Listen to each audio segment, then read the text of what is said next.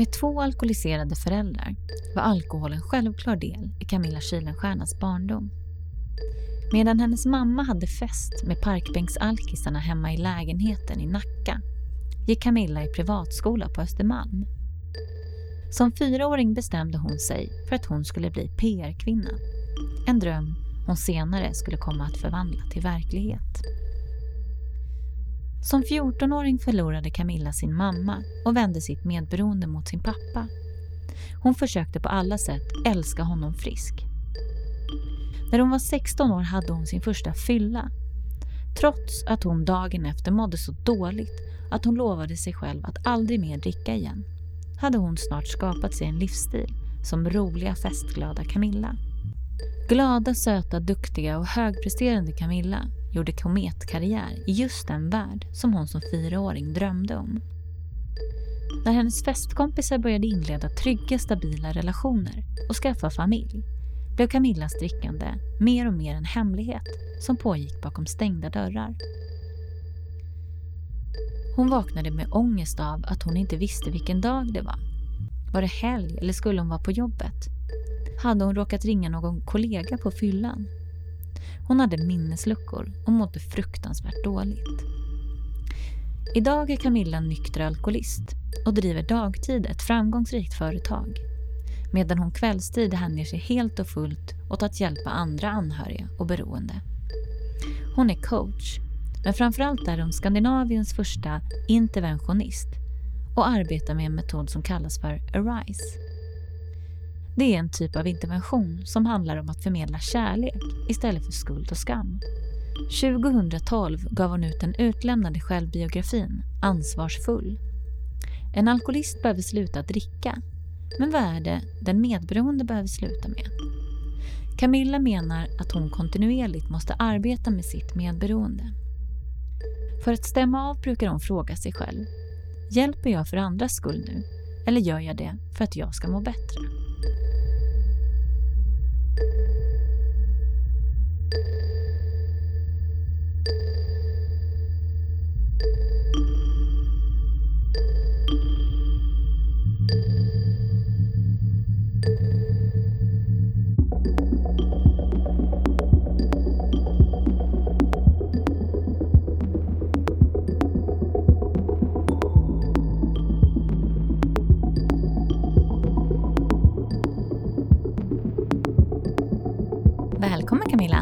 Så hemskt mycket. Skulle du vilja börja med att berätta lite om dig själv och vad det är du gör? Ja, ehm, jag är ju rent personligen så är jag nykter alkoholist sedan 11 år tillbaka. Jag eh, har två företag idag. Det ena jobbar med rent affärsmässiga delar, det är på dagtid. Och sen så är jag också Skandinaviens, eh, tror jag, enda utbildade RISE Invitational Interventionist. Alltså jag gör kärleksfulla interventioner för att hjälpa familjer att tillsammans tillfriskna från den här sjukdomen. Så det är vad jag gör och sen så skrev jag en bok för 2012 om mitt eget liv. Därför att jag är ganska trött på den här bilden som media bland annat ger, matar oss med eh, och hjälper till att stigmatisera bilden utav personer med alkoholism. Därför att man nästan alltid pratar om de här personerna som sitter på parkbänken och det är de man liksom filmar och när det inte ens ser ut så. För att det är, jag tror att det är 3% av alla alkoholister som sitter på parkbänken. Resten sitter i sina lägenheter, de har ett jobb, de har en familj. Eh, och jag tänker att det är dags att vi börjar normalisera diskussionen kring den här sjukdomen för att annars kommer vi aldrig kunna göra någonting. Och du har ju växt upp med två eller, ja, föräldrar som, som var alkoholister. Mm, mm. Men som jag förstår så var det liksom din mamma som, som var den som var mest aktiv, till att börja med i alla fall. Mm, mm. Hade du någon uppfattning om, tänkte du att de var alkoholister eller hur, hur funderade du kring det där när du var liten? All, alltså jag tänkte inte i termerna alkoholist när jag var liten. Eh, men jag föddes ju in i, jag är lite så anden i flaskan eh, känsla på mig. Därför att min mamma var ju alkoholiserad redan innan jag föddes. Och jag vet att hon gömde alkohol i barnvagnen med mig när jag var liten. Så för mig har alkoholism varit ett fullkomligt naturligt inslag i familjebilden. Så att jag tänkte väl mer att, att det var det var lite så man hade det. Och min mamma hon hade ju, jag vet inte om jag skulle säga att mamma var mer aktiv, men hon hade ju en alkoholism där hon drack i princip eh, varje dag, fast det var tre dagars cykler. För hon var full en dag, så var hon bakfull, så hade hon ångest. Full, bakfull, ångest. Medan pappa kunde behålla ett jobb, han hade ett väldigt eh, högavlönat, fint jobb. Och han drack ju mera på arbetstid. Jag menar, det här var ju 70-talet eh, när jag var liten. Och det var ju som det var då. Man, liksom, man blev berusad på jobbet och det var ingen som la sig i. Och sen så drack han mycket på helgerna. Så att han var väl en, en veckoatlig periodare mer. Medan min mamma drack jämt. Men jag skulle väl nästan säga att de var lika illa där båda två egentligen. Mm. Men din mamma hon var liksom att hon hängde med, med de som satt på mm. parkbänken mm. Och, och så. Så att det kanske ja. är uppenbart utåt sett var hon som var... Absolut, för att hon kunde ju inte behålla något jobb heller. Mm. Hon var otroligt, hon var en av de första kvinnorna som jobbade med datorer i Sverige. Mm. Otroligt intelligent. Men hon kunde ju inte behålla ett jobb. Så det var ju så att hon utåt sett så var ju hemmafru eh, om en alkoholiserad. Så hon hängde ju med, med de här på parkbänken mm. och bjöd upp dem till vårt lägenhet där vi bodde. Mm. Så att jag hade ju alltid, jag brukade gå in och lägga mig i garderoben när jag var liten. Jag tog en liten madrass och så la jag mig i, klädkammaren och stängde dörren. För att det var full fest hemma hos oss jämt.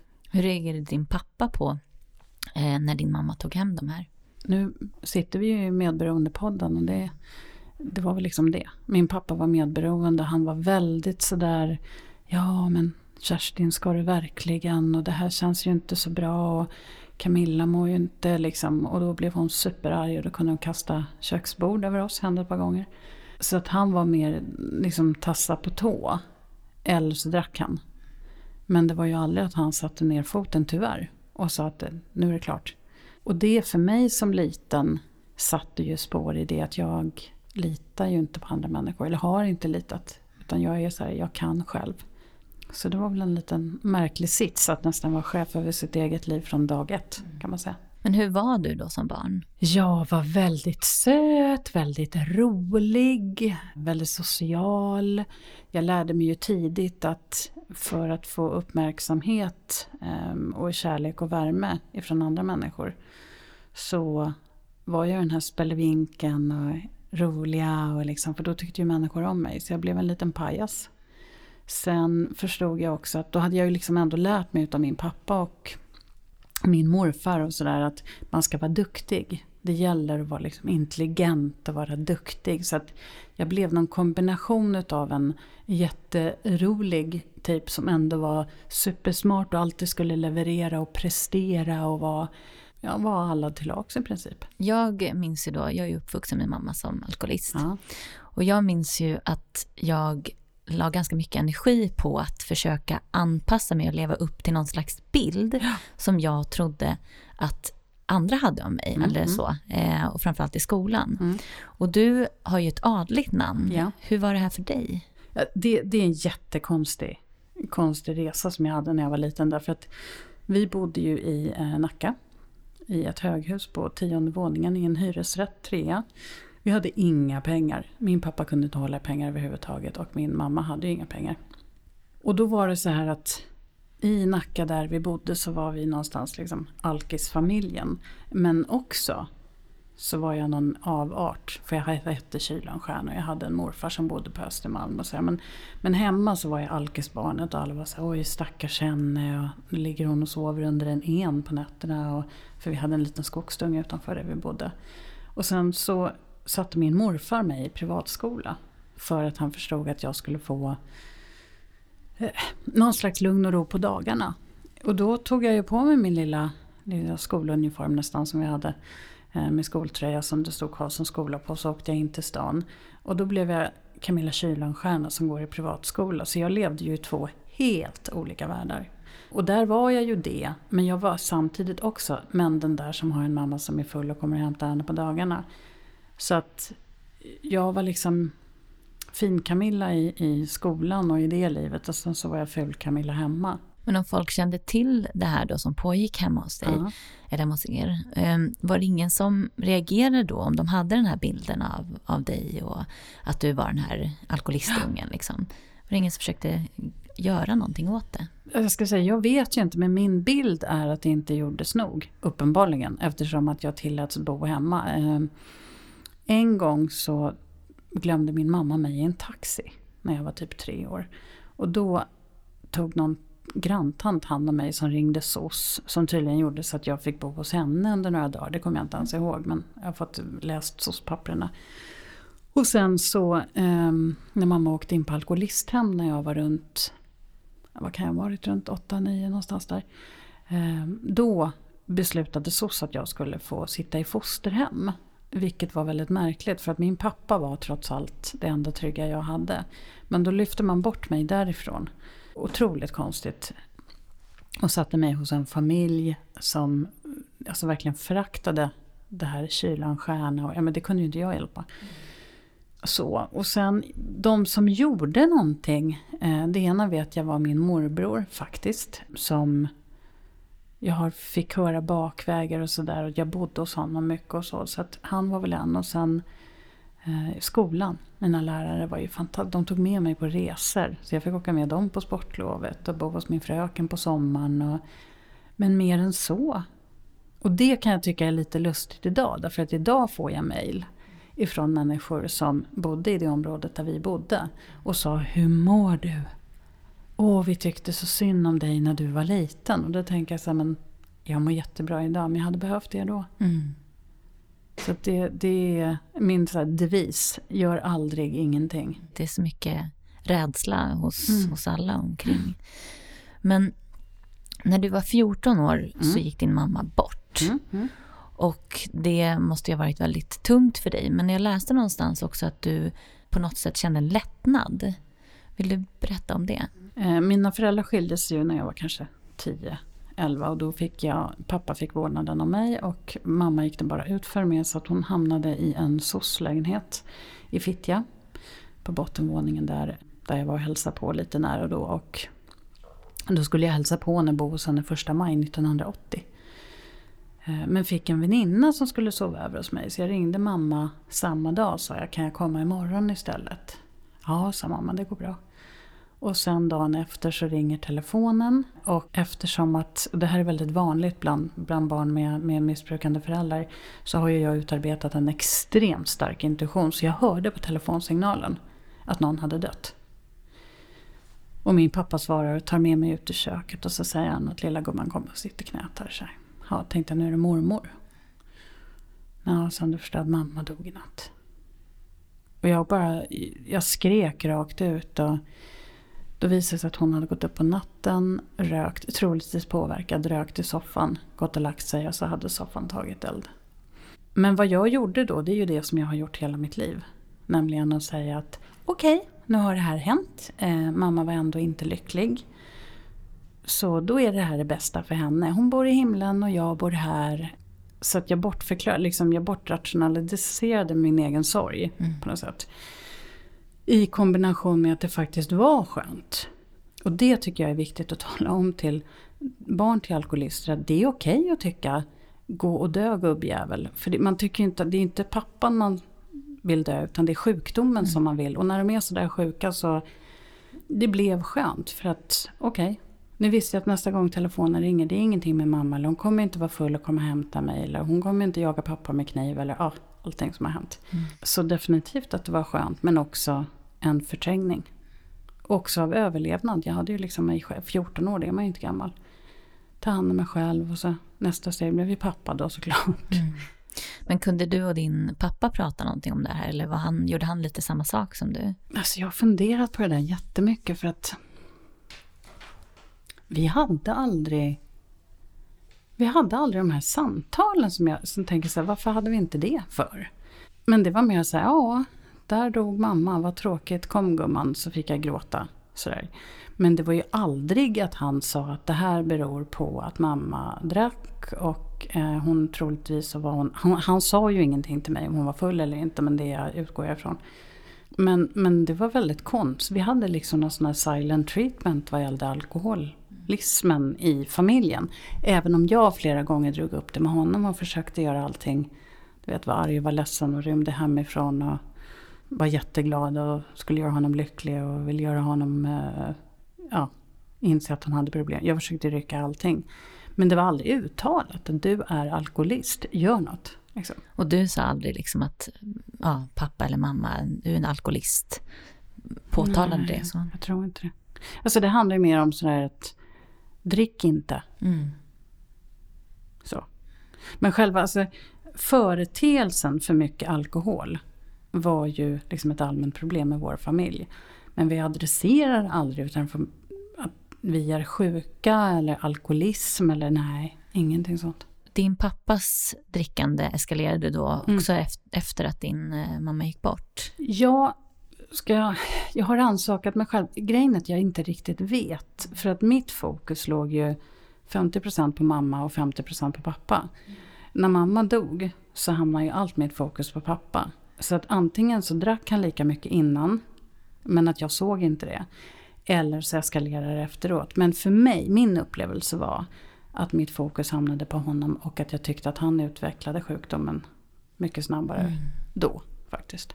Sen läste jag också om dig att när du var 16 år så blev du full Mm. för första gången. Mm. Jag tänker att med din erfarenhet av alkohol och så, hade du någon, någon slags sådär att det tog emot i dig eller var det att du omfamnade det ganska så utan, utan fördom och på något sätt så, eller hur? Jag, jag önskar jag kunde säga att det skulle ha tagit emot men det gjorde aldrig det. Mm. För mig var det så naturligt. Jag, försök, jag kommer ihåg det att någon gång när pappa var, när mamma inte bodde hemma, då var jag väl 10-11, så hade pappa varit ute på stan. Och jag visste att kom han hem efter ett visst klockslag så skulle han vara full. Och då var jag hemma själv. Och satt i köket. Och då kommer jag ihåg att jag gick och hämtade en öl i kylskåpet. Och så tog jag fram en Treo. För det hade jag förstått som 11-åring att om man blandar då, då kan det bli skönt liksom i huvudet. Så stoppade jag ner den där Treon i ölen. Och det blev ett litet, litet Hiroshima. Det, det funkar ju inte alls, tack och lov. Eh, men så jag hade väldigt tidigt den här, alltså barn gör som vuxna gör. Att när man inte mår bra eller man in, vill ha kul, då är det alkohol man dricker. Men sen kopplade ju inte jag ihop det till att det var ju ingen som hade berättat för mig att jag också kunde bli alkoholist. Det visste ju inte jag. Så jag, jag gjorde som de gjorde och som mina kompisar gjorde. Och, och det funkar ju jättebra. Men hur upplevde du den här känslan av att vara full då? Minns du någonting omkring det? Jag hade inte det här som de flesta pratar om att himlen öppnar sig och liksom bara åh det här är min räddning. Utan jag hade en... Alltså jag har alltid haft lätt för att ha roligt. Även som, som utan alkohol. Så jag hade en, en grymt kul kväll och det var fester och sådär. Och, och eh, från den ena festen till den andra. Och däremot så kommer jag ihåg dagen efter att jag mådde något så fruktansvärt dåligt. Eh, Jag hade en bakfylla som var och jag var, verkligen var så att jag ska aldrig mer dricka. För det är det värsta jag har gjort. Eh, dagen efter. Så att jag tror också, och det där följde med mig under alla mina år. Jag har alltid haft baksmällor som inte liknar, alltså det som jag är magsjuk. Jag kräks i 12-24 timmar efteråt. Så jag tror på riktigt att jag faktiskt har alkoholallergi. Men, men det var ju inte, oj nu mår jag inget bra och sen gjorde jag det igen. Jag, menar, jag har ju alltid tyckt om att vara berusad. Det har jag tyckt var jätteskönt. Men blev du då när du var onykter? Det där varierade ju över åren. Men i början så blev jag ju ännu roligare.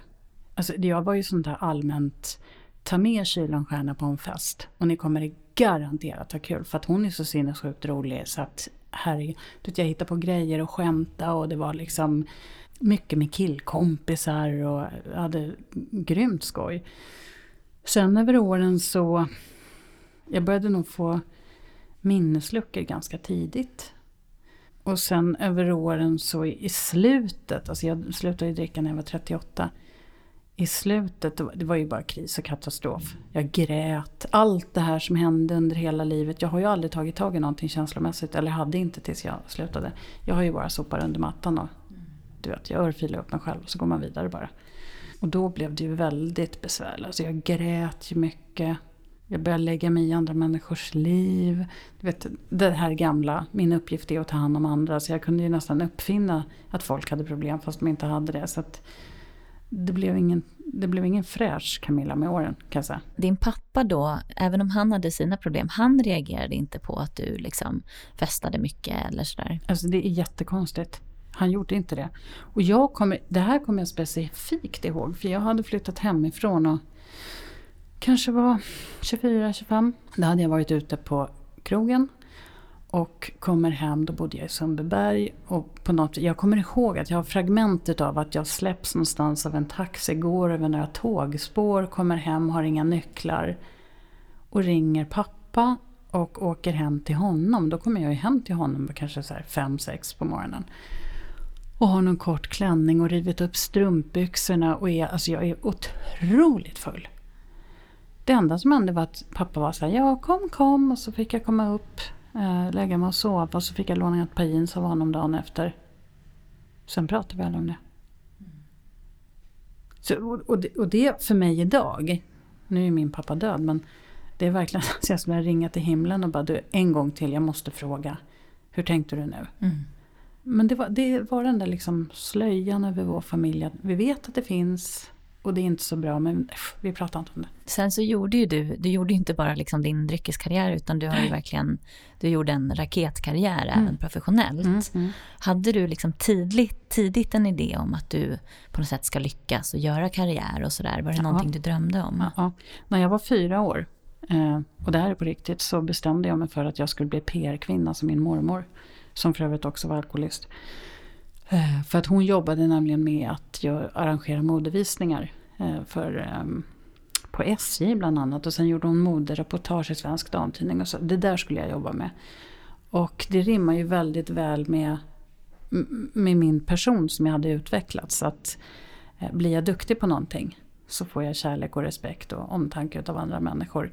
Så för mig blev det mer än en vilja så blev det ett behov, en överlevnadsstrategi. Att om jag bara blir duktig så kommer folk att älska mig. Och, och den här frågan får ju jag många gånger att Men hur kan du, hur kunde du som alkoholist vara så duktig på jobbet? Och mitt svar är att jag skulle nog tro faktiskt att jag en stor del beror på att jag var alkoholist. Mm. För att jag var så svart på insidan.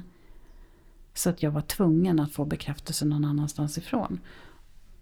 Och bland annat för att återkomma till syftet med min bok. Alltså jag träffar ju människor idag som är gravt alkoholiserade. Otroligt framgångsrika människor. Så, så det är ju, och allt ifrån människor som vi ser i media till näringslivstoppar till så den här sjukdomen struntar ju i vem du är, var du bor, hur mycket mm. pengar du tjänar, om du är känd eller inte. Och kan, vara, och kan faktiskt tyvärr vara en drivkraft till att lyckas. Mm. Till en viss gräns, vill jag understryka. Jag känner igen det där lite grann också. Jag tänker att det krävs ju någon slags kraft. Mm. Och för mig tror jag det varit så att man har liksom fått kämpat och dragit så stort lass ändå, som liten och så. Att för mig var det ju lättare att rikta den kraften åt en karriär, för där gick det ja. att nå fram till resultat och Exakt. så. Kunde du också känna att du hade någon slags kraft som kanske andra, inte, andra saknade? Liksom? Ja, jag skulle vilja säga att jag... Jag har många gånger undrat var har jag fått den här... För det är nästan som en urkraft i mig. Som dels jag applicerade på mitt liv, absolut. Eh, på mitt yrkesliv då. Och sen så... Ehm, alltså när det verkligen krävs så kan jag, alltså jag kan plocka fram en kraft. Som jag kan göra vad jag vill. Och det är många som säger, men gud vad du håller på med mycket saker och du startar företag och du är liksom Ja fast då plockar jag fram den där mm. lilla rackaren. Så att, jag vet inte, men, men det är väl det där tror jag att man på något vis bygger ihop den där kraftkällan som liten när man inte får hjälp någon annanstans ifrån. Och sen tack och lov, peppa peppa ta i trä, så, så kan man behålla den. Eh, för den är otroligt bra tycker mm. jag. Fortfarande sådär. Även om den förut var missriktad kanske. Mm. För den använde jag ju också lika mycket när folk började ifrågasätta mitt tyckande. Ja men Camilla, hur liksom, det är inte så bra och du blev så full. Och då kunde jag hämta kraft ur den här. Och egentligen bara titta på en person så backade de. Uh, uh. Hon ser läskig ut. Ja. Men det jag tänker, för du gjorde ju då karriär och så, hade du satt upp liksom tydliga mål som du nådde och, och sen skapade nya mål eller hade du ett mål som du verkligen, det här ska jag lyckas med? Nej, jag har aldrig haft, det har jag faktiskt, jag har aldrig karriärplanerat. Och det vet jag egentligen inte varför, men jag, det kan ju vara så här att jag förstår att det är ingen idé att planera för det blir aldrig som man har tänkt i alla fall. Eh, Så därför har mitt fokus varit nu. Så att jag har sett till att, eh, nu finns det säkert folk som tycker att så där duktig var hon inte alls. Men, eh, men eh, jag vill ju alltid göra det jag gör just nu ska vara bäst. Och jag hade ju till och med en VD en gång som på när vi satt i Indien och hade en, en resa dit så sa han att jag måste få prata med dig för att du levererar för mycket. Och jag tittade på honom och bara, han måste ju vara helt dum i huvudet. Vad pratar han om? Nej, man sa, alltså, du vet att jag går ju runt på jobbet och jag är ju där på helgerna för att han bodde inte i Stockholm. Och det finns en lampa som lyser och det är din. Ta det lugnt. Du behöver inte. Jag bara, han är ju inte klok den här karln tänkte jag. Nu förstår jag vad han menar. Men ditt, ditt, din dryckeskarriär då, om vi säger Mm. så. Så jag förstår att det i alla fall till en början var väldigt mycket liksom festande Mm. och det var utåt så. Men någonstans så började det bli mer att du drog dig undan och Mm. drack i ensamhet. När i ditt liv ungefär kan du se att den här övergången, att det blev mer och mer dricka hemma så att säga? Det skedde väl runt att jag var pff, 30, någonstans där. Eh, För man kommer ju till, jag hade ju eh, jag hade ju stort umgänge, jätteroligt, alla drack, eh, en del mer än andra. Men sen kommer man ju till liksom 28-30 där någonstans och helt plötsligt så börjar mina vänner skaffa barn. De träffar sunda killar. Ehm, de kanske känner att nej men, jag kan inte hålla på och festa hur länge som helst. Så att, att det blev ju glesare och glesare med personer som kunde göra som jag ville och dricka som jag ville. Eh, I kombination med att de här människorna också började titta på mig utifrån in och liksom, men du, det här vi håller på med är ju inte sunt. Ska inte du också? Ehm, och det skulle jag ju absolut inte, tyckte jag. Jag tyckte de var, var liksom pretentiösa, fåniga, b- viktiga typer när jag var en skön, härlig person. Liksom. Så att ehm, då blev det ju så att jag, dels så började jag, första steget var ju att jag började leta mig till nya umgängen som drack som jag. Och det bästa var när jag träffade en kille som knarkade. Det var ju absolut bingo. Därför att så dålig var ju inte jag. Så jag, jag, alltså jämfört med honom så var jag alltid bättre, tyckte jag. Det var inte så. Eh, och sen när den relationen tog slut, för den blev jättedestruktiv, då valde jag att dricka i fred. Som så många människor gör. Jag ville sitta hemma själv. Eh, jag kommer ihåg, det var på den tiden man hade så här batterier i sin mobil. Så jag demonterade mobilen på fredag.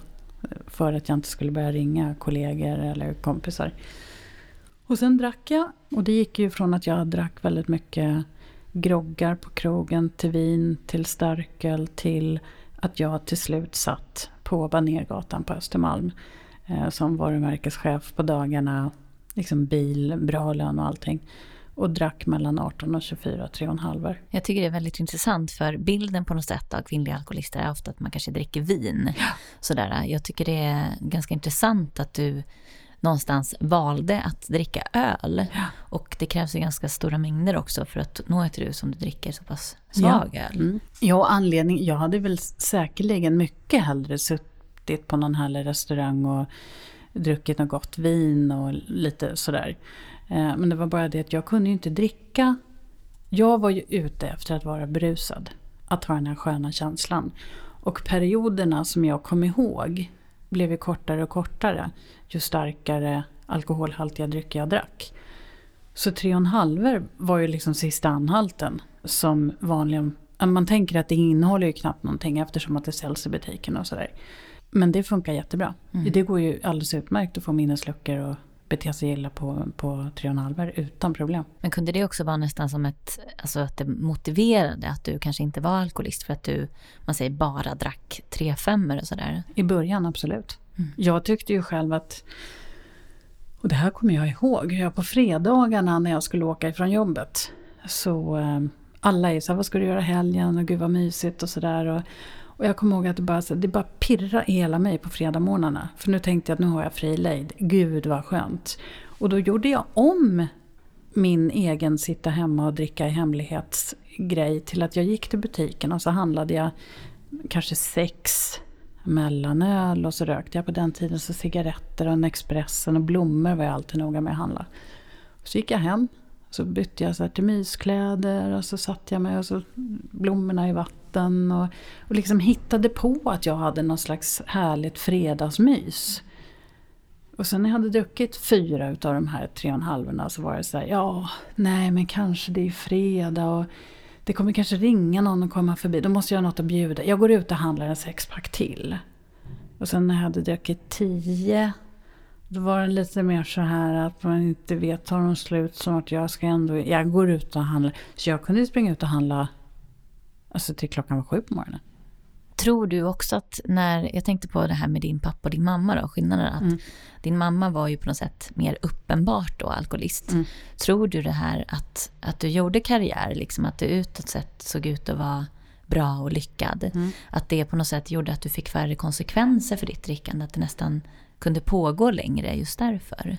Ja, det är alltså absolut, för jag menar människor som inte människor som inte kände mig nära eller hade festat med mig. De var ju till och med så att när jag berättade för dem när jag hade blivit nykter att jag har nu valt att sluta dricka. Då var det så men inte du. Nej, nej, vad du, äh, vad över det, det har ju inte du några att... Alltså det var som människor ville inte se att jag, som faktiskt var en av dem, hade det här problemet. Det blev en konstig reaktion där av det. Sen hade jag också en måttstock som jag hittade på i mitt eget huvud väldigt tidigt. Och det var att någonstans visste ju jag att inte det här var bra. Men då satte jag upp att den dagen jag dricker som mamma, då ska jag göra någonting åt det. Alltså att jag drack i tre dagars cykler. Men eftersom att jag kanske drack på en tisdag och sen på fredag och lördag eller drack på en onsdag och sen bara på lördag. Så, vet, så blev det ju inte alltså, reguljära tre dagars cykler och då var det ju inte så ännu. Men sen till slut, i slutet där så bara jag tänker, det är inte klokt, nu är det ju så här. Jag är ju faktiskt, även om det går kanske en dag mindre eller en dag mer, så börjar jag ju se mitt eget mönster att det här är, det bara pågår ju. Men tänkte du att du skulle sluta eller försökte du sluta ja. på egen, egen hand? Liksom? Oh ja, jag försökte. Alltså jag började väl redan på 2001 2002 någonstans där och verkligen göra uppehåll. Jag vet att jag var med en kompis till mig i Gävle någon midsommar och då drack jag inte och då kände jag mig jätteduktig. Och sen var jag inne på ett tolvstegsprogram innan i två och en halv månad. Eh, men bara med, med hjärnan, inte med hjärtat eller magen alls. Så jag gjorde ju många försök. Eh, det är lite floskligt men det är ju så att alkoholister har verkligen inga problem att sluta dricka. Det är bara det att vi kan inte låta bli att börja igen. Mm. Det är där problemet är och jag, det gick inte till slut. För någon måste ju ha reagerat. Vilka reagerade och vad fick du för... Var det någon som uttalade liksom att du verkar ju vara alkoholist eller? Ja, jag så? hade en, en kompis som hade som faktiskt på den tiden hade försökt få till stånd någon slags intervention och fick mm. jag höra. Men det fick jag höra via en gemensam kompis till oss som skvallrade på henne för mig. Vilket gjorde att vi satt och tog ett varsitt glas vin och gjorde liksom bakom ryggen lite narr av henne och bara Gud ska hon säga och hon borde ju skaffa sig ett liv och ha ha ha. Sådär så att det var väl en del. Um, sen hade jag ju mina chefer på jobbet måste jag, och det säger jag alltid, var ju fantastiska faktiskt. Speciellt en chef som Patrik som fortfarande är en av mina väldigt goda vänner. Där han, han gjorde någon slags egen insats um, någon sommar. Så tog, eller det var innan sommaren så tog han in mig på sitt rum och så sa han att, för han, han vet ju hur jag fungerar. Och då sa han att kan du komma in på mitt rum för att jag skulle behöva få hjälp med en sak av dig. Och det är ju det bästa du kan säga till mig. Får jag, ja, jag bara absolut. Jag, här är jag, jag hjälper till. Och så sa han att sätt dig ner här nu och så, där, så sa han att du är ju så väldigt, väldigt viktig för mig. Jag har ju valt dig till min avdelning därför att du är eh, intelligent, du driver framåt, du löser problem, du är trevlig, snäll, ro. Du vet, han muljar på. Och jag satt ju och svällde upp som en sån här Michelin-gubbe och mitt ego bara så här växte. Och så tänkte jag snart kommer det. Nu blir jag någon här promotion av något slag. Och så tystnade han och så tittade han så här, men hjälp mig att förstå varför du dricker så mycket. Och då blev jag som en liten ballong som pyr. mm jag bara tömdes på luft. Och det konstiga är att i mitt eget huvud så kommer jag fortfarande ihåg den här episoden och påföljande veckor som att jag var extremt tacksam mot honom. Men det var inte alls det sättet som jag hade uttryckt det mot honom på. Utan vad jag hade sagt till honom var att om jag dricker, jag är väl inte full på jobbet, om jag dricker på fritiden har väl inte du med det att göra. Men okej, okay, jag har varit, alltså jag hade inte alls varit trevlig. Men, men däremot så kommer jag ihåg att min inneboende känsla för det här, för jag försökte i mig så försökte jag hitta någon slags aggression mot varför säger han sådär mot mig och han ska väl inte lägga sig. Och jag hittade aldrig någon. Så jag var väldigt tacksam. Det var bara det att jag var för stolt för att visa det utåt. Mm.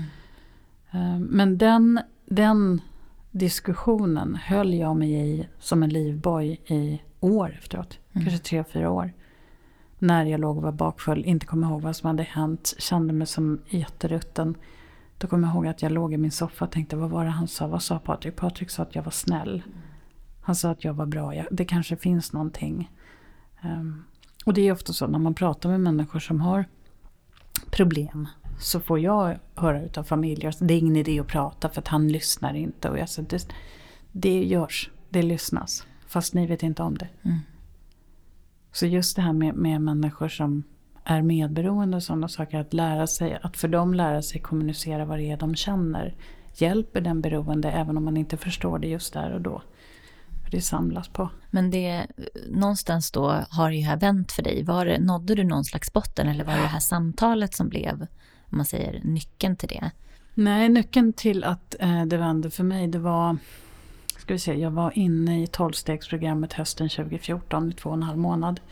Sen gick jag ut därifrån en fredag och började dricka igen. Och då, det var kanske i november, jättemycket snö. Eh, och alla på inför jul och så skulle min bekantskapskrets, mina bästa bästa vänner, skulle åka till Thailand. Och då säger de, ska inte du med? Nej, jag säger jag ska inte åka med för det, ni har ju era liksom, partners och män och barn och vad det är. Och det kände jag att det vill jag inte vara del av. Eh, för att jag, ja, jag kände mig utanför, eller jag har ställt mig utanför mycket ska jag säga. Så de åker iväg, åker till Thailand och mina två bästa vänner och deras barn dör i tsunamin. Och den våren 2015 så också hemskt att upptäcka hur, hur stark sjukdomen är, tycker jag. Därför att jag var ju otroligt ledsen. Alltså man är ju, det var min familj, men jag har ju ingen familj, så att de var ju min familj. Mm. Men alkoholist-Camilla vaknar ju upp och så här, hmm, det här kanske inte är så pjåkigt. Därför att nu kommer folk på jobbet inte säga någonting om jag dricker. Därför jag är faktiskt sorg. Och det var precis det som hände. Ehm, så att det, det, jag drack ohyggligt mycket under den sommaren. Sen var jag i LA och hälsade på en väninna som bodde där. Och hon hade på något vis kört om mig i beroendefilen. Liksom, för att hon hade druckit alkohol och började ta tabletter. Så hon hade utvecklat en personlighet, även nykter, som jag för mitt liv inte kunde... Jag bara, vem har hon blivit? Och då drack jag fortfarande. Men även i mitt beroende, så det blev som en chock att träffa henne. Så när jag kom tillbaka från USA så var jag väl hemma och fortsatte dricka två veckor till. Och sen vaknade jag 28 augusti 2005. i min soffa och hade sovit, tagit en tupplur och vaknade i min soffa och bara, nu är det klart. För då, då hade jag blivit så, jag var så rädd. Jag var, så, jag var rädd för att jag hade gjort något jag inte skulle, för att jag hade ringt någon jag inte skulle, för att jag hade vaknat och trott att det var lördag fast det kanske var tisdag. Jag, skulle på någon, alltså jag var rädd 24 timmar om dygnet. Och jag kände att jag, jag klarar inte av att vara rädd längre. Och då bestämde jag mig för att nu, nu tar jag tag i det här. Så då gick jag tillbaka till tolvstegsprogram. Självmant. Och så gick jag 90 möten på 90 dagar. Finns det något som heter. Så då gick jag på tolvstegsmöten varje dag i 90 dagar. Eh, in, antingen innan eller efter jobbet. Och det har hållit ganska bra hittills. Mm. Men fortfarande, jag måste ju jobba med mig själv varenda dag. Mm. Som egentligen alla människor ska göra. Men... men någonting som jag reagerar på, för det är tydligt att du och din pappa hade ändå en väldigt fin mm. relation. Mm. Och i något sammanhang jag läste också där du eh, hade sagt så fint, som jag tyckte verkligen var så här, det, det, är ett så tydligt begrepp. Men att du försökte älska honom frisk. Mm. Och det tycker jag så beskriver så mycket och så otroligt Alltså det är väldigt, väldigt fint men också så smärtsamt liksom. Ja. Är det här någonting som du, du nämnde någon pojkvän som tog, använde droger och sådär. Mm. Har du försökt med den taktiken även senare förutom din pappa, men i relationer ja, och sådär? Absolut. I många, många år. Mm. Jag levde ju en väldigt destruktiv relation med en person som inte alls mådde bra. Men som utåt sett var liksom framgångsrik och han utbildade sig i sånt där bestämma maktyrke. Um, och han mådde verkligen inte bra och det gick ut över mig. Men jag kommer så väl ihåg att jag bestämde mig för att jag sa till mig själv att han har ingen familj. Han har ingen som kan ta hand om honom. Han mår inte bra. Men det ska jag göra. Så det spelade ingen roll vad som hände. Jag visste att han var otrogen. Jag visste att han, han var ju fysiskt dum mot mig. Framförallt psykiskt, fruktansvärt psykiskt misshandlad var jag under de där åren. Men med mitt medgivande ska man ju säga, det var inte bara hans fel. Tvärtom. Ehm, därför att jag hade bestämt mig för att jag ska rädda honom. Jag ska rädda honom. Så det här är ju, och det ska man ju veta som förälder. Att när man uppfostrar ett barn i en relation där det finns missbruk det, alltså barnen lägger ju grunden, sin känslomässiga grund. Och bygger sin ja, framtid därifrån. Så det var ju precis det som hände mig. Så jag hade ju destruktiva och knasiga relationer ända till att jag var 43. Mm. Eller jag hade inte haft en relation på länge då, men, men säg till att jag var 40 då. Mm. Det jag tänker på eh, i det här också, det är att många pratar om så här maskrosbarn. Liksom, mm. Att eh, det är någon som kommer från en tuff miljö som växer upp och lyckas på något sätt. Ja. Och som du var inne på så är det ju väldigt många lyckade personer som har, ja som både kanske är medberoende eller beroende eller så. Mm. Eh, vad tänker du kring den bilden? Är det verkligen så att, att de här maskrosbarnen växer upp och lyckas? Eller hur kan man... Det första jag, det första jag tänker på är hur du definierar lycka. Mm. För jag menar, att du, att du får, har ett framgångsrikt jobb och tjänar mycket pengar och gifter med någon som är vacker och får en massa fina barn. Det har ju ingenting med lycka att göra. Så att jag tänker också att, att det, det blir en liten sån här samhällsförklaring. Ja, ja, men hon eller han är maskrosbarn och titta vad bra de är idag. Mm. As if, då behöver inte jag bry mig om det där längre. Eh, jag tror ju inte att... Men jag har ju verkligen varit en sån person. Som, och fortfarande än idag, så är jag såhär, gud, ah, du har lyckats, du är så lycklig. Jag skulle vilja, den får jag höra ofta. Jag skulle vilja vara som dig. Och jag tänker att det skulle du verkligen inte vilja vara. Du vill inte ha dem, liksom, ja, men jag är ju den jag är idag för att det har hänt så mycket tokiga grejer. Och tråkiga saker. Så att jag vet inte att, att göra hjältar av människor som kommer ut och är så superstarka och jättekompetenta. Mm, tveksamt. Jag lägger mig verkligen sådär ifrågasättande till det där begreppet ja. just för att eh, media vill ju gärna lyfta den här, ja. den som kommer från skiten och klarade sig. Ja. Men det som är, när man pratar medberoende, så här, familjeroller, så pratar man ju ofta om den här hjälten, eh, clownen, tapetblomman och rebellen. Liksom. Och att ofta så, jag kanske också har hört till den här som har varit med hjälten. Liksom. Och det är ju ofta de personerna som andra omkring kanske känner så här, där kan vi slappna av, för mm. där har det inte gått illa. Liksom. Mm. Men att alla de här rollerna mår ju dåligt. Mm. Och att samhället på något sätt kan ju nästan hjälpa till där att eh, vi så att säga står ut mycket längre med vår skit mm. Mm. Eh, innan det brister. Många går in i väggen till exempel. Först då man mm. inser att det finns problematik där. Men så, ja, så det, det det måste jag ju säga, media förenklar och stigmatiserar för att det ska det är mycket enklare då på något sätt. Jag, jag är ju mer utav uppfattningen att du måste titta på varje enskild individ. Um, och det är också så här, är en person som har levt ett, ett otroligt, haft en jättetragisk barndom och idag är framgångsrik och känd till exempel. Är den personen mer framgångsrik och lycklig än vad en person är som har haft det jobbigt och som kanske har valt att leva ett tystare liv och, och kanske ja, bara ta det lugnt någonstans. Alltså, vi lägger så mycket etiketter mm. på vad som är en lycklig, framgångsrik person. Och så blir man ett maskrosbarn. Och så. Mm. Det är inget kul. Alltså maskrosbarn, det är inget roligt. Det är ingen som vill vara. Du är ju både då arbetat med ditt, ditt eh, beroende och ditt medberoende. Mm. Och jag, de, av de gäster jag haft som är nyktra beroende så är det väldigt många som har kommit fram till att det, att det på något sätt har varit medberoendet som har legat till grunden för mm. beroendet. Mm. Hur ser du på det där? Jag, jag, tycker alltid att det är svårt så här. Vad är hönan och vad är mm. ägget? Och, alltså, mitt beroende, alltså, om jag ska prata om mig själv, det är den enda jag kan prata om. Så mitt beroende kom ju från att, att det var den flyktvägen jag hade för att orka med mitt inre kaos. Eh, min oro, min presta mina prestationskrav, min extremt dåliga självkänsla. Om det har byggts upp utav att jag var medberoende som liten, ja det, det kan det väl verkligen ha gjort. Det tror jag. Sen finns ju den fysiska allergin givetvis också. Den är ja. också ärftlig ja. såklart. Ja. ja. Nu har ju du eh, kommit vidare i det här liksom, och du har ju jobbat, du och jag pratade lite innan om att det är ganska vanligt att folk som har den här erfarenheten som sen har kommit fram till någonting som har hjälpt den här personen. Liksom, att det blir lite som ett life mission liksom, mm. att föra det här vidare. Mm. När bestämde du dig för att du ville liksom börja arbeta med det här?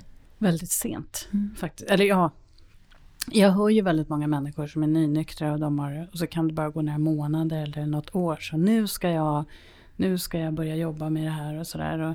Jag var väl ganska klar redan från början om att Först hade jag inte ens en tanke på att göra det överhuvudtaget. För jag var så trött på mig själv med sjukdom så jag, att, att börja jobba med andras grejer var inte ens aktuellt. Men sen blev jag överplockad till, när jag hade varit nykter två år, så blev jag överplockad till USA. Och satt och tittade på tv en kväll. Och då såg jag det här programmet Intervention, som är den gamla, lite elaka typen av interventioner. Men jag såg ett frö här. För jag tänkte att det här är ju det som är problemet i Sverige att vi är så rädda. Vi, vi, vi är liksom så kidnappade utav någon sorts samhällelig snällism. Att man ska inte lägga sig i andra människors liv utan klappar man på folk bara så blir det bättre. Och vi älskar att tycka synd om varandra. Och jag tänker att det här, det finns ju ett frö. Så det där fröet satte sig hos mig. Och sen när jag fick bokkontrakt 2011 så tänkte jag att och där kommer ju min andra kompetens in som marknadsförare. Så tänkte jag att om jag kommer att komma ut i media 2012 så ska jag ju se till att vara utbildad interventionist till dess. Eh, för det är ett ypperligt tillfälle för mig att lära människor vad interventioner är för någonting. För jag kommer att få komma i media och sådär. Eller hoppades. Så jag googlade och tog reda på så mycket jag kunde. Och hittade den här metoden då och förstod ganska snabbt att det är den här man jobbar med nu. Ehm, som handlar om kärleksfulla interventioner, alltså är respekt och omtanke. Man jobbar ingenting med skam och skuld och du är dålig och du borde, utan egentligen är det bara ett möte där, där familjen pratar om kärlek och man kärleksbombar den som är, är dålig. För det är oftast det som vi som är, har varit beroende de som är att vi vet att vi är dåliga, vi vet att vi borde skärpa oss och vi skulle behöva, det där kan vi. Vad vi inte vet är att vi är otroligt älskade. Att vi lämnar ett tomrum efter oss. Som inte går att fylla med någon annan. Och att vi skulle... Alltså det, att vi har så mycket mer stöd än vad vi själva förstår. Och det, det är egentligen det som är kärnan i det som jag, som jag jobbar med. Hur tänker du med det här då, man pratar mycket om konsekvenser. Hur ser du på det? Är det viktigt med konsekvenser? För det här är ju ändå ett mer liksom kärleksfullt tillvägagångssätt. Mm. Man kan säga att det här det är en ganska komplex modell. Mm. Och det är en väldigt gedigen utbildning. Så jag har ju varit i USA eh, och blivit utbildad av Judith Landau som är läkare och professor och upphovsmakare till Arise. Um, och vad man, man gör är att det finns olika steg. Så man börjar alltid utifrån kärlek. Om vederbörande efter kanske, det kan ju ta fyra fem timmar, säger att nej, jag vill absolut inte. Då är det dags för konsekvenser och då vänder jag mig till familjen och säger okej, okay, nu när er anhöriga här säger att han eller hon inte vill ha hjälp. Vad känner det, ni där? Ja men då har jag ingen lust att, att ha kontakt längre. Okej. Okay. Så, så vad händer då? Ja men då kommer jag från och med idag så kommer inte jag svara i telefonen. Okej. Okay. Och då går man in på det. Mm. Men jag går inte in på konsekvenserna först. Därför att vi vet om det här. Så att, men däremot så är ju fortfarande, och då kan man ju säga också att hela interventionen är ju en jättekonsekvens som det är. Det är ju ingen som gör en intervention för att man inte har något annat för sig. Utan det är liksom, så konsekvenser är otroligt viktigt. Framförallt för familjen att inte släta över. Nej, det var inte så farligt. Och, nej, men det var väl ingen som märkte att du var jättefull eller spydde i någon sko eller det. det nej.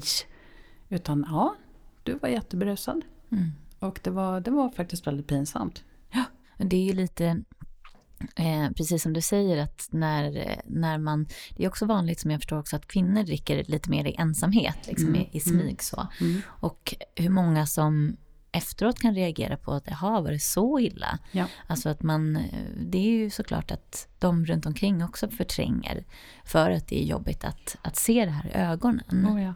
Hur går man tillväga då om man till exempel skulle vilja göra en, en intervention till någon anhörig då, om man är en familj låt säga?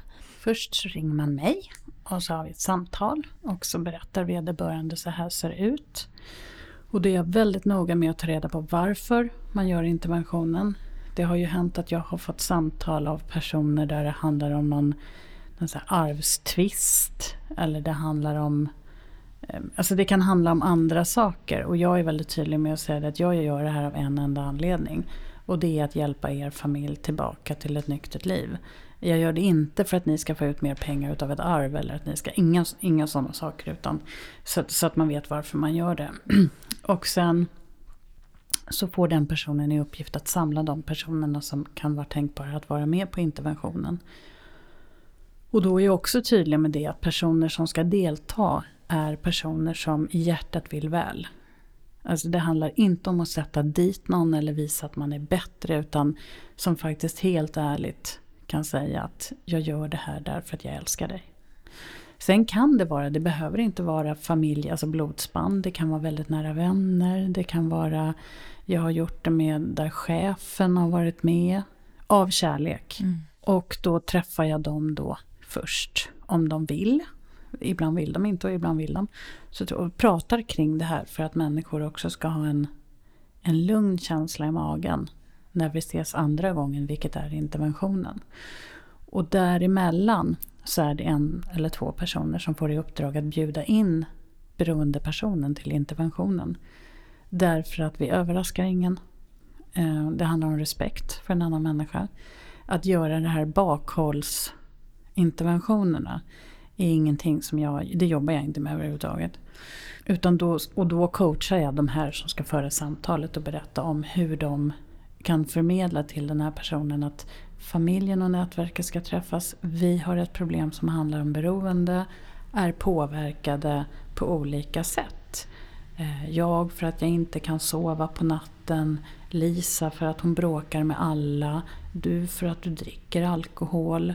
Eh, så tar man det från ett nätverks och familjeperspektiv. Men finns det någon sån här minimum hur många man ska vara för att kunna göra en intervention? Nej, det gör det faktiskt inte det är väl inte, det är väl inte att, att, att förorda att vara en och den beroende. Men även det kan ju fungera. Bara att, att ha mig med som en tredje part blir en annan dynamik. Um, sen har jag ju haft, jag hade en man som skulle göra sin intervention på där hans syskon ringde upp och frågade hur många ska vi vara. Så sa jag, men ta så många som möjligt för det kan vara 8-10 personer. Alltså det, så länge de är där av rätt anledning. Och då ringde de mig och sa att ja, nu har vi fått ihop 30 personer här. Och då sa jag att nu, hold your horses. För att min uppgift i det här är ju att hålla alla under... Alltså jag måste ju se till vad är det som händer? Vem reagerar på vem? Hur mår den personen? Vad händer? Eh, det, det är ett väldigt ansvarsfullt uppdrag. Och eh, så då sa jag att då får ni skära ner och då kom de ner till 17. Så det är faktiskt den största interventionen. Men alla var där av rätt anledning. Det var fullkomligt fantastiskt. Eh, det var kanske tre år sedan vad jag vet. Och han åkte sen på behandling, den mannen. Och vad jag vet i alla fall så är han väl kanske nykter fortfarande om man säger de som kontaktar dig, de har ju någonstans förstått problematiken men också att de själva mår dåligt av det här. Mm. Skickar ja, du? Ja, nej. Alltså det är inte säkert. Nej. De, det är långt ifrån alla som förstår att Alltså de förstår att de mår dåligt men de förstår inte att de har någonting med det här att göra. Utan det är den där människan som gör att jag mår dåligt. Ens eget ansvar.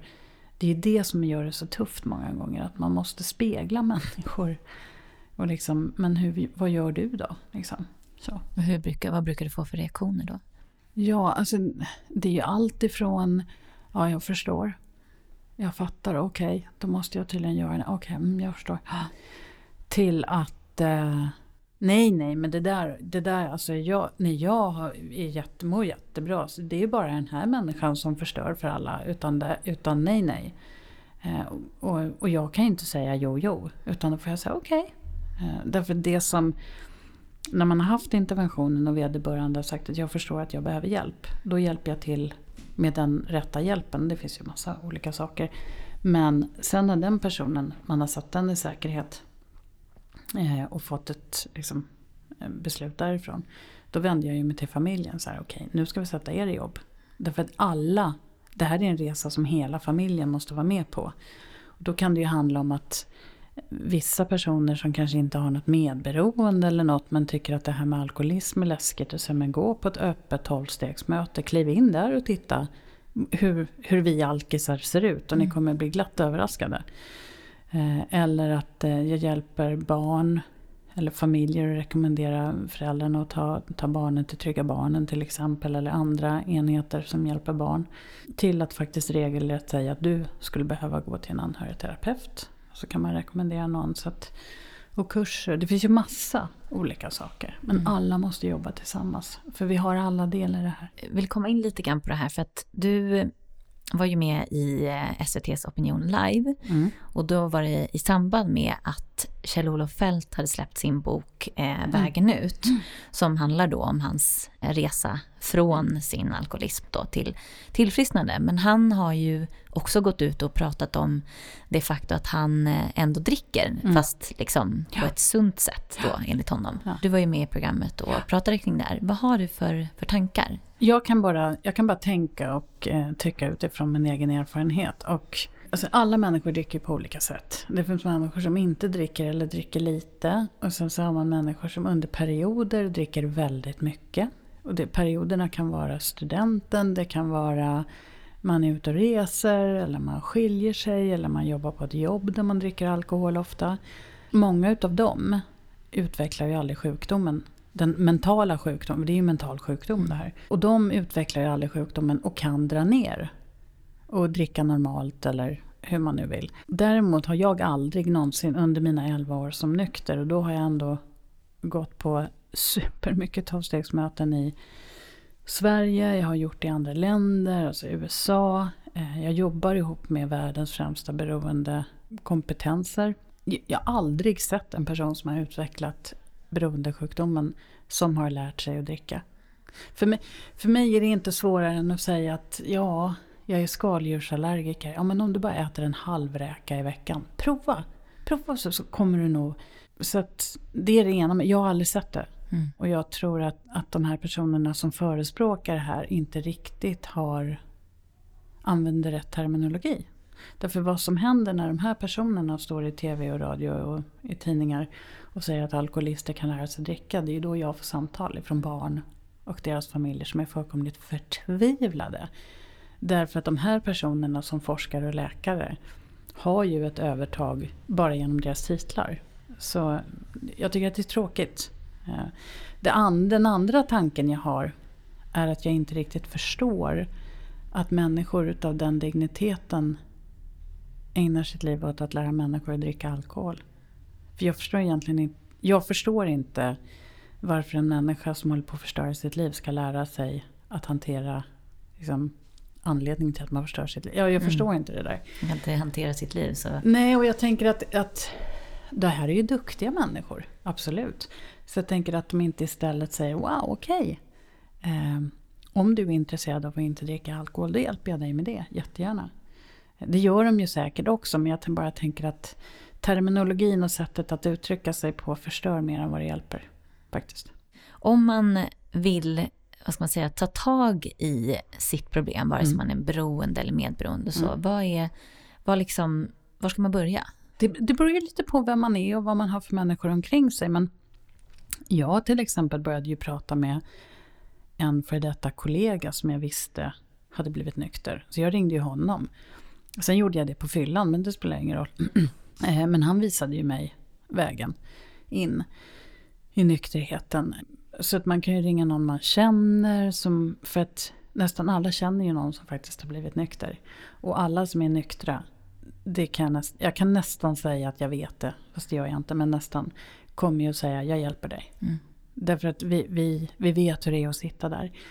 Känner man ingen så kan man ringa. Ring till, eh, det finns ju jättefina alkoholterapeuter. Du kan ju säkert ringa till Alltså jag skulle rekommendera att ringa någon som är specialist på alkoholfrågor därför att vår sjukvård, min erfarenhet är ju dessvärre att de inte riktigt, vi är inte jätteduktiga på det här utan det förväxlas ofta med du är deprimerad. Mm.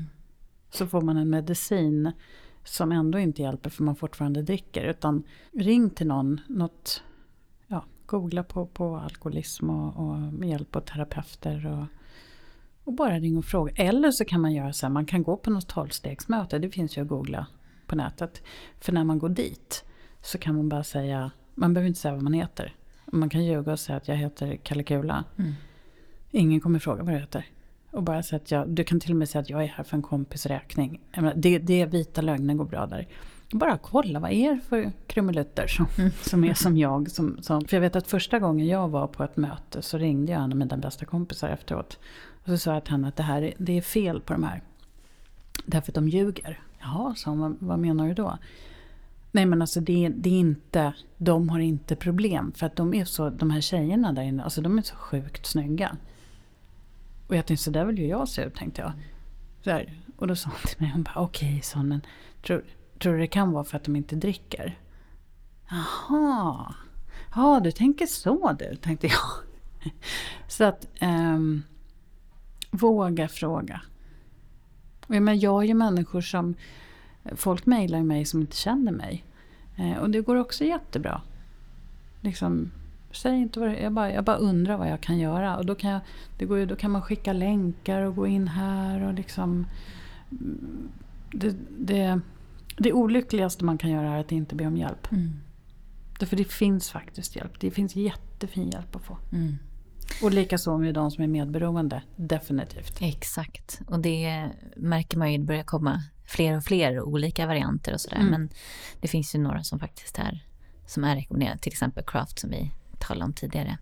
Ja, det finns Craft och det finns Accra och det finns Alanon och det mm. finns eh, Madeleine Schwartz är fantastisk mm. medberoendeterapeut. Eh, så att hjälp finns det. Mm. Det är bara det att det är lite svårt att ta reda på var. Men då kan man ju höra av sig till sådana som oss mm. som faktiskt vet. Jag tänker, nu har ju du, du har ju som sagt många bollar i luften och sådär. Mm. Vad har du för mål nu liksom? Du jobbar med det här med, med interventionerna och så. Har du någon dröm liksom vad du skulle vilja nå med det här så att säga? Om jag fick bestämma så skulle jag vilja, jag skulle vilja öppna ett behandlingshem i Sverige. Eh, på riktigt. Alltså ett riktigt, riktigt, riktigt behandlingshem eh, i form av ett sjukhus. Så att du på behandlingshemmet kan ha alltså psykiatriker, psykologer, läkare, eh, avgiftning eh, med där människor får vara kanske två, tre månader. Därför att de här 28 dagarsprogrammen som finns, de är ju bra där de är. Men efteråt så finns det ingen hjälp att få. Eller det finns hjälp att få men det, det är svårt när man kommer hem. Alltså, det här är ju en sjukdom som tar lång tid att läka ifrån. Och kräver mycket jobb och mycket stöd. Um, och jag arbetar ju idag med, med ett behandlingshem som är ett av Europas bästa som ligger i Skottland och heter Castle Craig. Och deras behandling är ju fullkomligt makalös. Men det är för att patienterna får stanna där mycket längre. Det är min dröm. Mm. Och skulle jag vara multimiljonär så skulle jag ha det gratis för folk. Att de får komma. Det, det är min dröm. Nu kommer jag säkert att göra det men man vet ju aldrig. Men några sista ord. Vart är du idag, tänker jag, ditt tillfrisknande och så? Hur ser du på din nykterhet och ditt medberoende och sådär mm. idag? Min nykterhet är det inget fel på. Eh, jag har ju peppa peppa ta i trä då. Varit nykter, eh, aldrig ens varit nära ett återfall. Inte för att jag är bättre än någon annan utan för att mitt kroppsminne är fortfarande så starkt att jag kan ju känna i varenda cell eh, alla konsekvenser som jag hade. Så det är väl inget fel på. Däremot kan jag säga att min medberoende blommar ju upp mellan varven utan att jag tänker på det. För att, att, att vara, någonstans är det så att vara beroende är lite mindre jättekomplicerat mm. än vad det är att vara medberoende, tycker jag. Mm. Därför att gränsen, jag är ju en människa som gärna hjälper andra människor och det kommer jag fortsätta med för alltid, för det tycker jag alla ska göra. Men var går gränsen för när jag hjälper människor för deras skull och så kan det tippa över till när det blir för min skull. För att jag ska känna, alltså när min prestations, eh, liksom mitt prestationsdriv och min bekräftelsemekanism, när den sätter in. För att när jag börjar hjälpa andra för att få bekräftelse själv eller känna att jag är duktig, då är jag ute på hal is. Mm. Så, och det är så att oavsett vad så är ju det här någonting som, som jag behöver titta på Alltså inte aktivt, men jag tittar på dem jämna mellanrum och ställer mig frågor. Och hur gör jag här? Och varför gör jag det här? Och, alltså lite så. Det är ganska mycket lättare också kanske se att okej, okay, jag är alkoholist, jag slutar dricka. Ja. Men eh, det är väldigt många som, som frågar lite grann så okej, okay, men vad jag ska sluta med när jag är medberoende. Alltså ofta handlar det ju om kontroll, men folk ja. kanske inte riktigt förstår det där. Mm. Men det är ju till exempel som du säger, alltså det är någon slags gränslöshet het också. Jag, ska, jag tror nästan man kan säga, kommer jag på nu när mm. vi sitter här, men alltså beroende handlar ju väldigt ofta om att sluta med. Mm. Medberoende handlar mer om att börja med. Alltså mm. börja med att ta hand om dig själv först. Börja med att sätta gränser. Eh, börja med att ta hjälp. Eh, som någon klok person sa, att, att som när man är ute och flyger. Sätt på dig syrgasmasken först själv. Mm. Därför att annars kan du inte hjälpa någon annan. Och det är ju precis det som medberoende gör. Man skiter i sin egen syrgasmask, springer runt och ger luft åt andra. Och till slut så bränner man ut sig själv. Sluta med att börja med lite där kanske. Mm. Jag låter det bli sista ordet. Tusen tack Camilla. Tack själv. Vill du veta mer om Camilla och det hon sysslar med kan du gå in på www.camillakilenstierna.com Glöm inte att spana in boken Ansvarsfull som Camilla har skrivit. Vill du veta mer om medberoende och var du kan vända dig så kan du gå in på vår hemsida www.medberoendepodden.se och glöm inte att följa oss i sociala medier. Där heter vi Medberoendepodden.